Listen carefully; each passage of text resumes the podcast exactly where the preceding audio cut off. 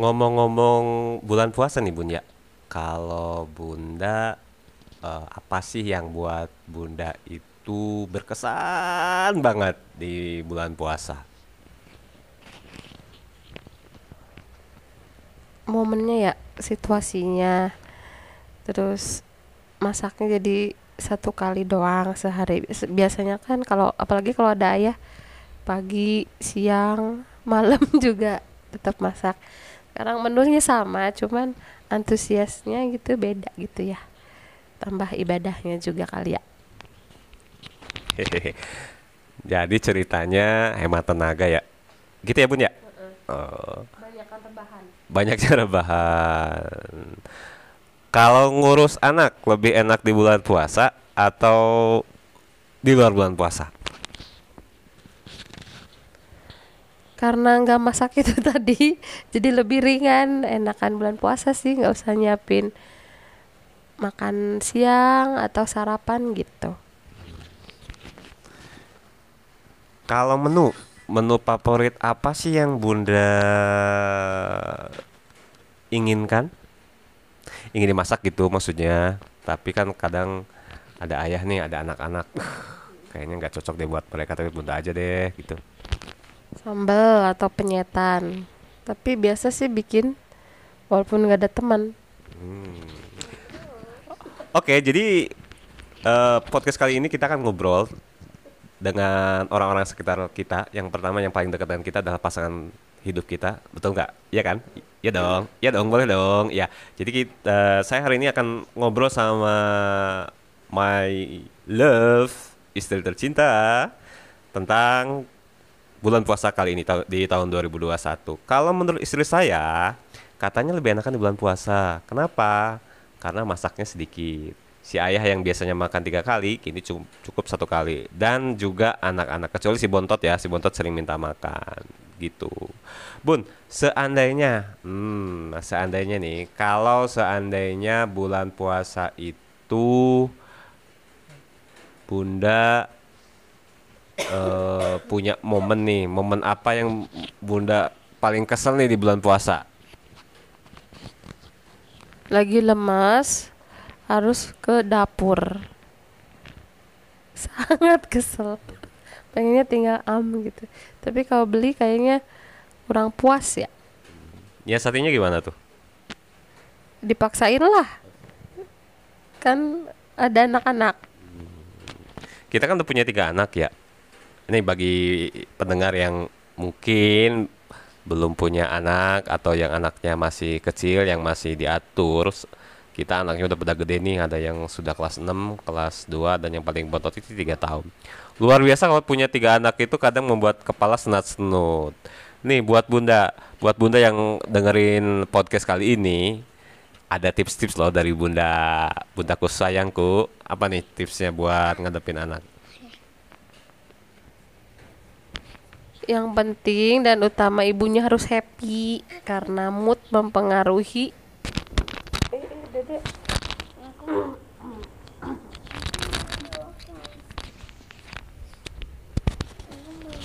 Karena mood mempengaruhi pola eh, pengasuhan kita. Jadi untuk para suami bahagiakan istrinya ya.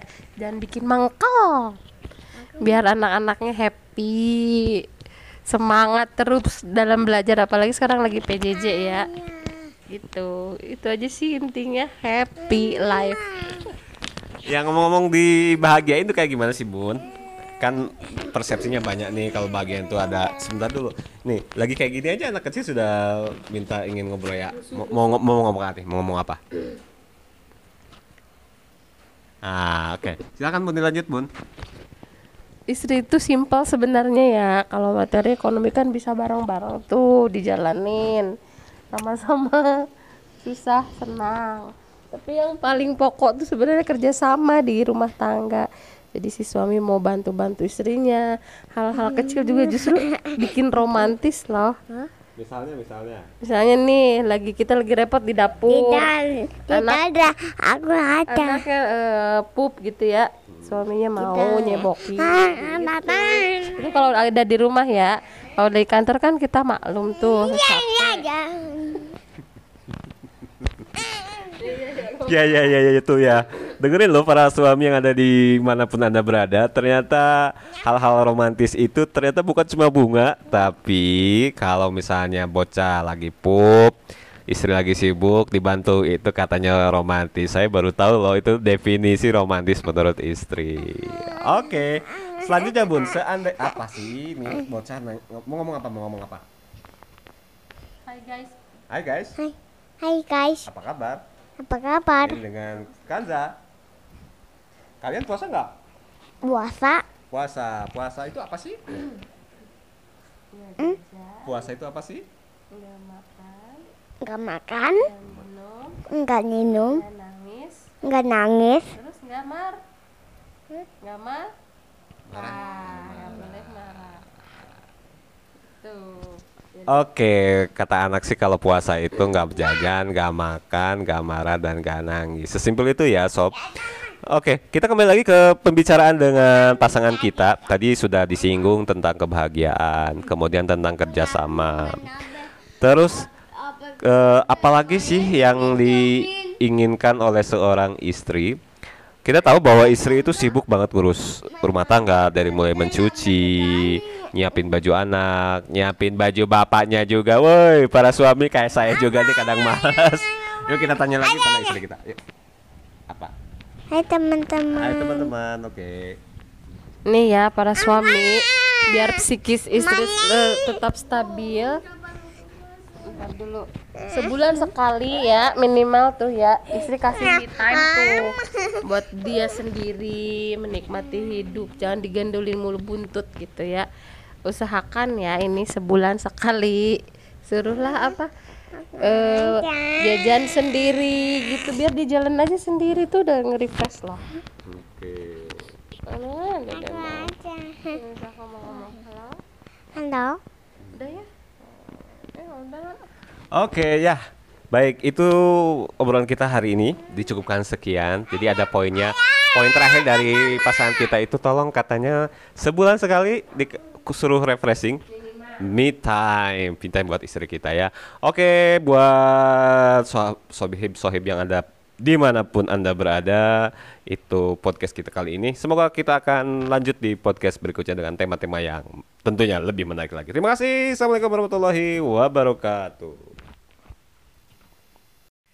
Assalamualaikum warahmatullahi wabarakatuh Bertemu kembali di podcastnya Opik Podcast yang ringan dalam kehidupan sehari-hari Jadi kita akan membahas tentang tema-tema yang ada di kehidupan kita sehari-hari Hari ini saya akan berbicara dengan dua malaikat kecil saya Yang pertama adalah Kanza Apa kabar Kanza? Apa kabar? Baik Baik. Dan yang kedua adalah Zia Apa kabar Zia? Baik. Oke, ngomong-ngomong masalah puasa, eh, Zia puasa nggak sih? Puasa. Kanza? Puasa. Kalau puasa itu menurut Zia apa sih? Nak menahan mak menahan emosi sama tidak boleh makan. Terus eh harus harus itu sholat lima waktu. Terus hmm, udah Udah. Oke, sekarang tuh Kanza. Puasa itu apa sih? enggak makan, enggak minum, enggak main, Nggak nangis. jangan nangis. Oke. Oke, Teh, ketika puasa itu kan Teteh lapar ya. Gimana sih caranya mengatasi rasa lapar itu? Eh, gak boleh melihat di YouTube kayak orang makan gitu terus eh, tahan jangan main keluar dulu terus eh, sholat kegiatan apa tuh kegiatan yang bagus. Oke, jadi mengalihkan perhatian ya supaya nggak lapar. Teteh biasanya nggak nonton konten-konten di YouTube yang ada makanan-makanannya ya. Oke, sekarang Kansa, Kansa ini kan lagi puasa nih. Eh, Kansa kalau makan makanan apa yang Kansa sukai? Suka makan Es krim ya. iya Oke, Teh, eh menurut Teteh apa sih yang harus dilakukan oleh anak-anak yang Teteh kan kelas 2 SD ya? Apa sih yang harus dilakukan? Kan ini lagi belajar puasa nih. Tips-tips dari Teteh itu apa sih? Eh, sholat lima waktu terus eh, tidur siang. terus eh, kerjain tugas. Terus eh, jangan main keluar. Jangan nonton yang macem-macem. Udah. Kenapa? Oke, iya. Oke, sekarang Kanza. Kanza kalau main di bulan puasa itu main apa sih biasanya? main di lapangan. Kenapa main di lapangan? Main HP Kenapa main HP? Seru ya?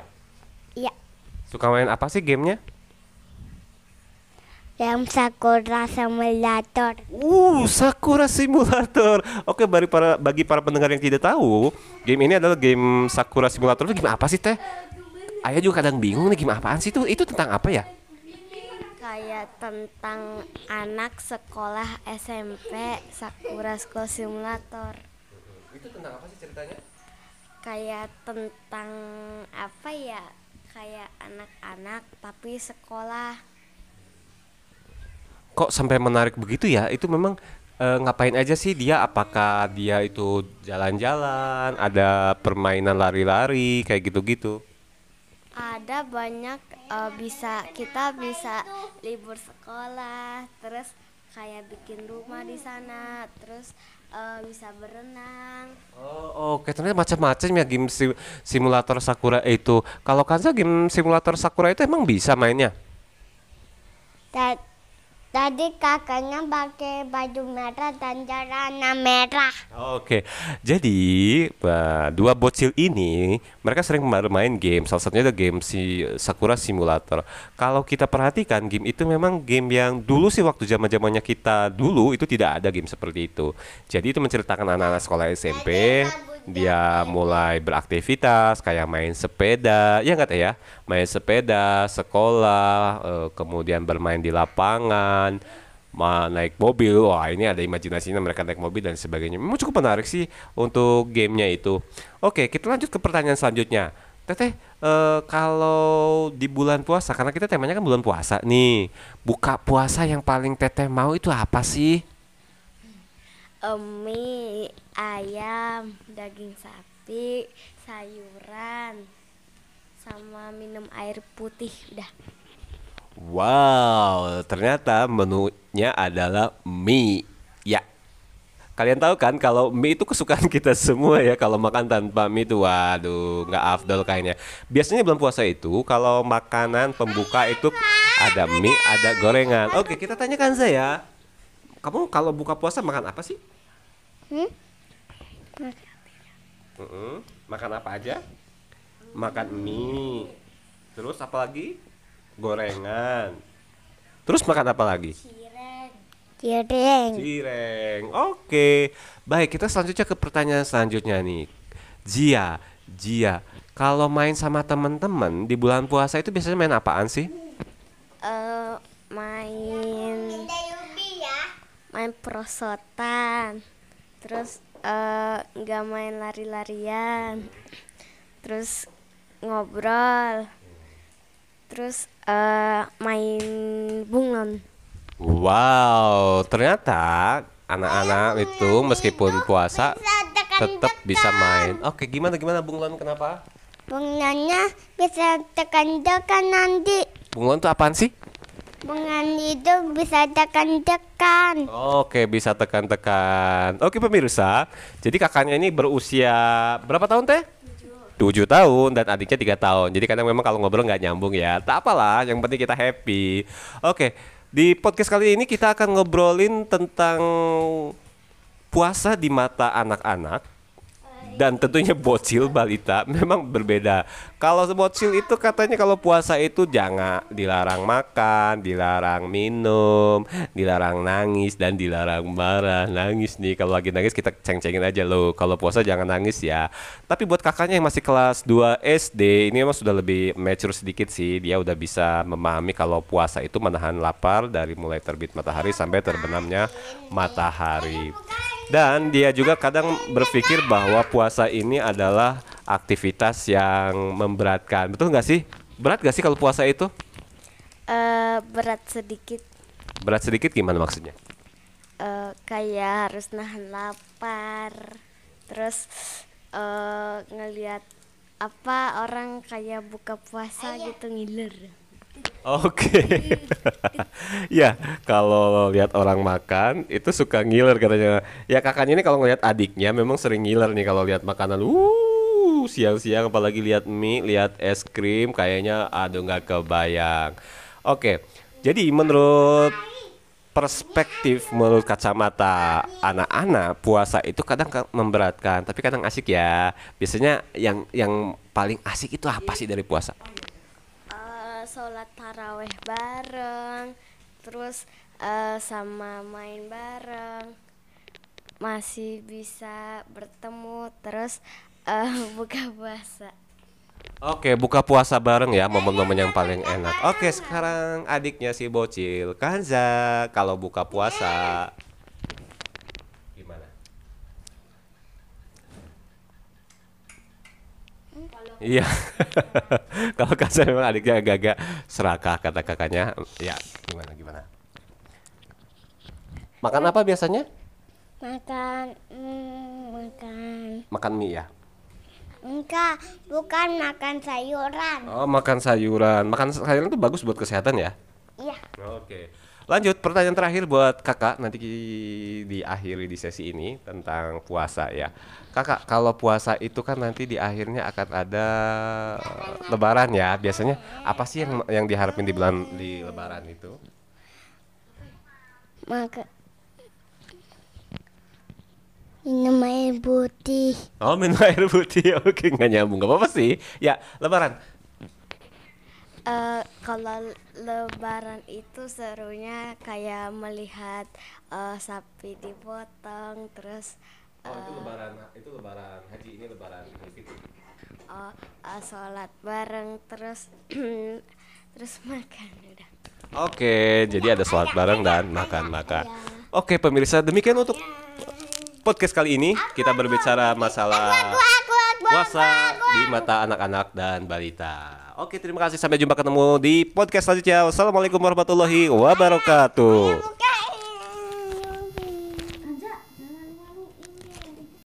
Halo sahabat podcast, Opik kembali lagi di podcastnya Opik yang berbicara tentang kehidupan sehari-hari dari keluarga, teman, sahabat yang ada di sekitar kita. Pagi ini kita ngobrol dengan pasangan tentang pelakor. Menurut istri saya bahwa pelakor itu adalah perebut laki orang.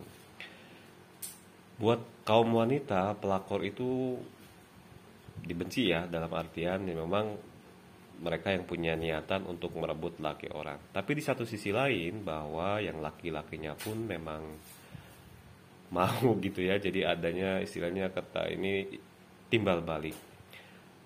Salah satu masalahnya yang muncul adalah kamuflase dari laki-laki yang sudah kecantol sama pelakor. Kata pasangan kita bahwa ciri-cirinya adalah yang biasanya romantis tambah romantis yang biasanya cuek malah romantis agak bingung memang tapi memang itu salah satu sinyal bahwa laki-laki sudah kenal pelakor lalu bagaimana menurut pandangan perempuan terhadap pelakor buat sebagian perempuan bahwa pelakor itu tidak dimaafkan suaminya pun tidak dimaafkan. Ibarat kata kalau pasang paku di tembok, maka bekas pakunya itu tidak akan mudah dihilangkan. Artinya perasaan wanita itu sangat dalam Jadi ketika disakiti, maka dia akan merasa sangat tersakiti. Kasus-kasus pelakor ini memang jadi perhatian wanita. Jadi ibu-ibu biasanya di kompleks selalu mengobrolkan, eh si A ada pelakor, si B udah kecantol ini, kecantol itu. Ini memang jadi perhatian ibu-ibu. Termasuk saya pun sama. Istri saya selalu mengecek HP tiap hari, chat tiap hari. Dan baru tahu ternyata alasannya adalah itu. Makanya dia selalu berpesan jangan sampai ada chat dengan perempuan yang intens dalam artian karena memang kalau laki-laki sudah intens dengan perempuan lain biasanya nanti akan ada hati itu salah satu benih-benih timbulnya perselingkuhan yang diakibatkan dari komunikasi yang intens. Lalu bagaimana dengan poligami? Pasangan kita sih melihatnya ketika rumah tangga itu baik-baik saja, anak ada, eh, harta juga dalam artian cukup lah ya, bisa memenuhi kebutuhan sehari-hari. Lalu apa yang dicari begitu? Kecuali memang eh, pandangan pasangan kita bahwa nggak punya anak, maka tentu ada ikhtiar ya. Kalau misalnya sudah lama menikah, tidak punya anak, mungkin bisa mengadopsi anak atau mungkin bisa uh, istilahnya memancing anak dulu dari keluarga, tetangga yang kita asuh dulu, baru sambil nunggu pancingan ini akan membuahkan hasil. Tapi memang ada beberapa pasangan yang memang tidak mau ngambil itu, malah ngambil adopsi yang lain, mungkin memelihara binatang dan lain sebagainya. Kalau dalam konteks ini pasangan kita sih biasanya setuju kalau laki-laki itu untuk mengambil eh, langkah poligami dalam artian karena memang ada kebutuhan untuk memiliki anak. Tetapi di luar itu eh, wanita mana yang mau dipoligami. Begitu katanya ya. Ya, memang penting sih itu pandangan perempuan. Perempuan memang berpikir dengan hati gitu. Kalau laki-laki ya sebagai umumnya laki-laki bahwa laki-laki sering berpikir tentang kenikmatannya, kesenangannya. Tapi memang kita kadang-kadang kita memang harus sering berbicara dengan istri kita apa sih yang ada di pikiran di pikiran pasangan kita yang kita tidak tahu, tetapi ketika dia cerita maka banyak hal-hal yang keluar. Misalnya kita bekerja nih, bekerja WFH itu buat kita menyenangkan, artinya bisa ketemu istri, anak gitu. Tapi pada saat bekerja kita juga kadang mengabaikan mereka.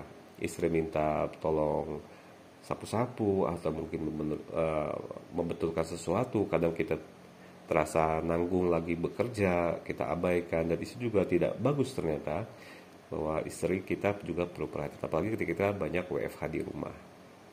Yang kedua adalah masalah anak. Anak yang sudah mulai tumbuh besar, ternyata setelah kita ngobrol sama istri, selama ini kita sudah mempunyai kesalahan langkah. Misalnya apa? Misalnya anak ini sudah mulai masuk ke remaja, dia sudah mulai renggang. Si ayah mulai terbiasa dalam artian, oh anak udah dia udah mulai dewasa ya, udah mulai remaja, artinya dia bisa mandiri.